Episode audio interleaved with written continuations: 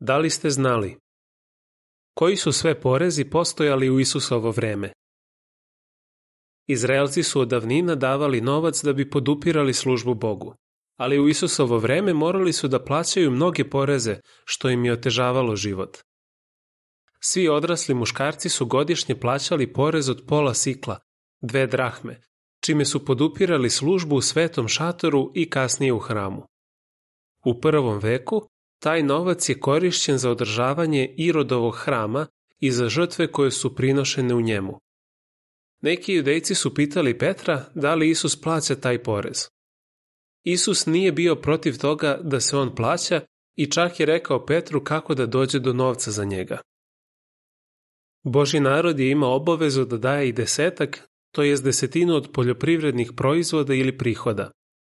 Verske vođe su insistirale na tome da se daje desetina od svake biljke, čak i od nane, kopra i kima. Isus nije odvraćao ljude od davanja desetka, ali je osudio poznavaoce zakona i fariseje zbog njihovog licemerstva. Matej 23.23 Međutim, u to vreme judejci su morali da plaćaju mnoge poreze i rimljanima, pod čijom su vlašću bili.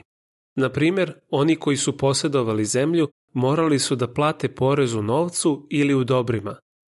Procenjuje se da je on iznosio između 20 i 25% od roda. Takođe je postojao i porez po glavi stanovnika. Fariseji su Isusa pitali upravo za taj porez. Njegov odgovor pokazuje kako treba gledati na plaćanje poreza. Dajte dakle caru carevo, a Bogu Božje. Matej 22 od 15 do 22 Postojala je i taksa koja se plaćala na robu prilikom ulaska u određenu zonu ili izlaska iz nje. Ta taksa se naplaćivala u lukama, na mostovima, raskršćima ili ulazima u gradove ili pijace. Porezi koje su Rimljani nametnuli bili su preveliki teret za narod.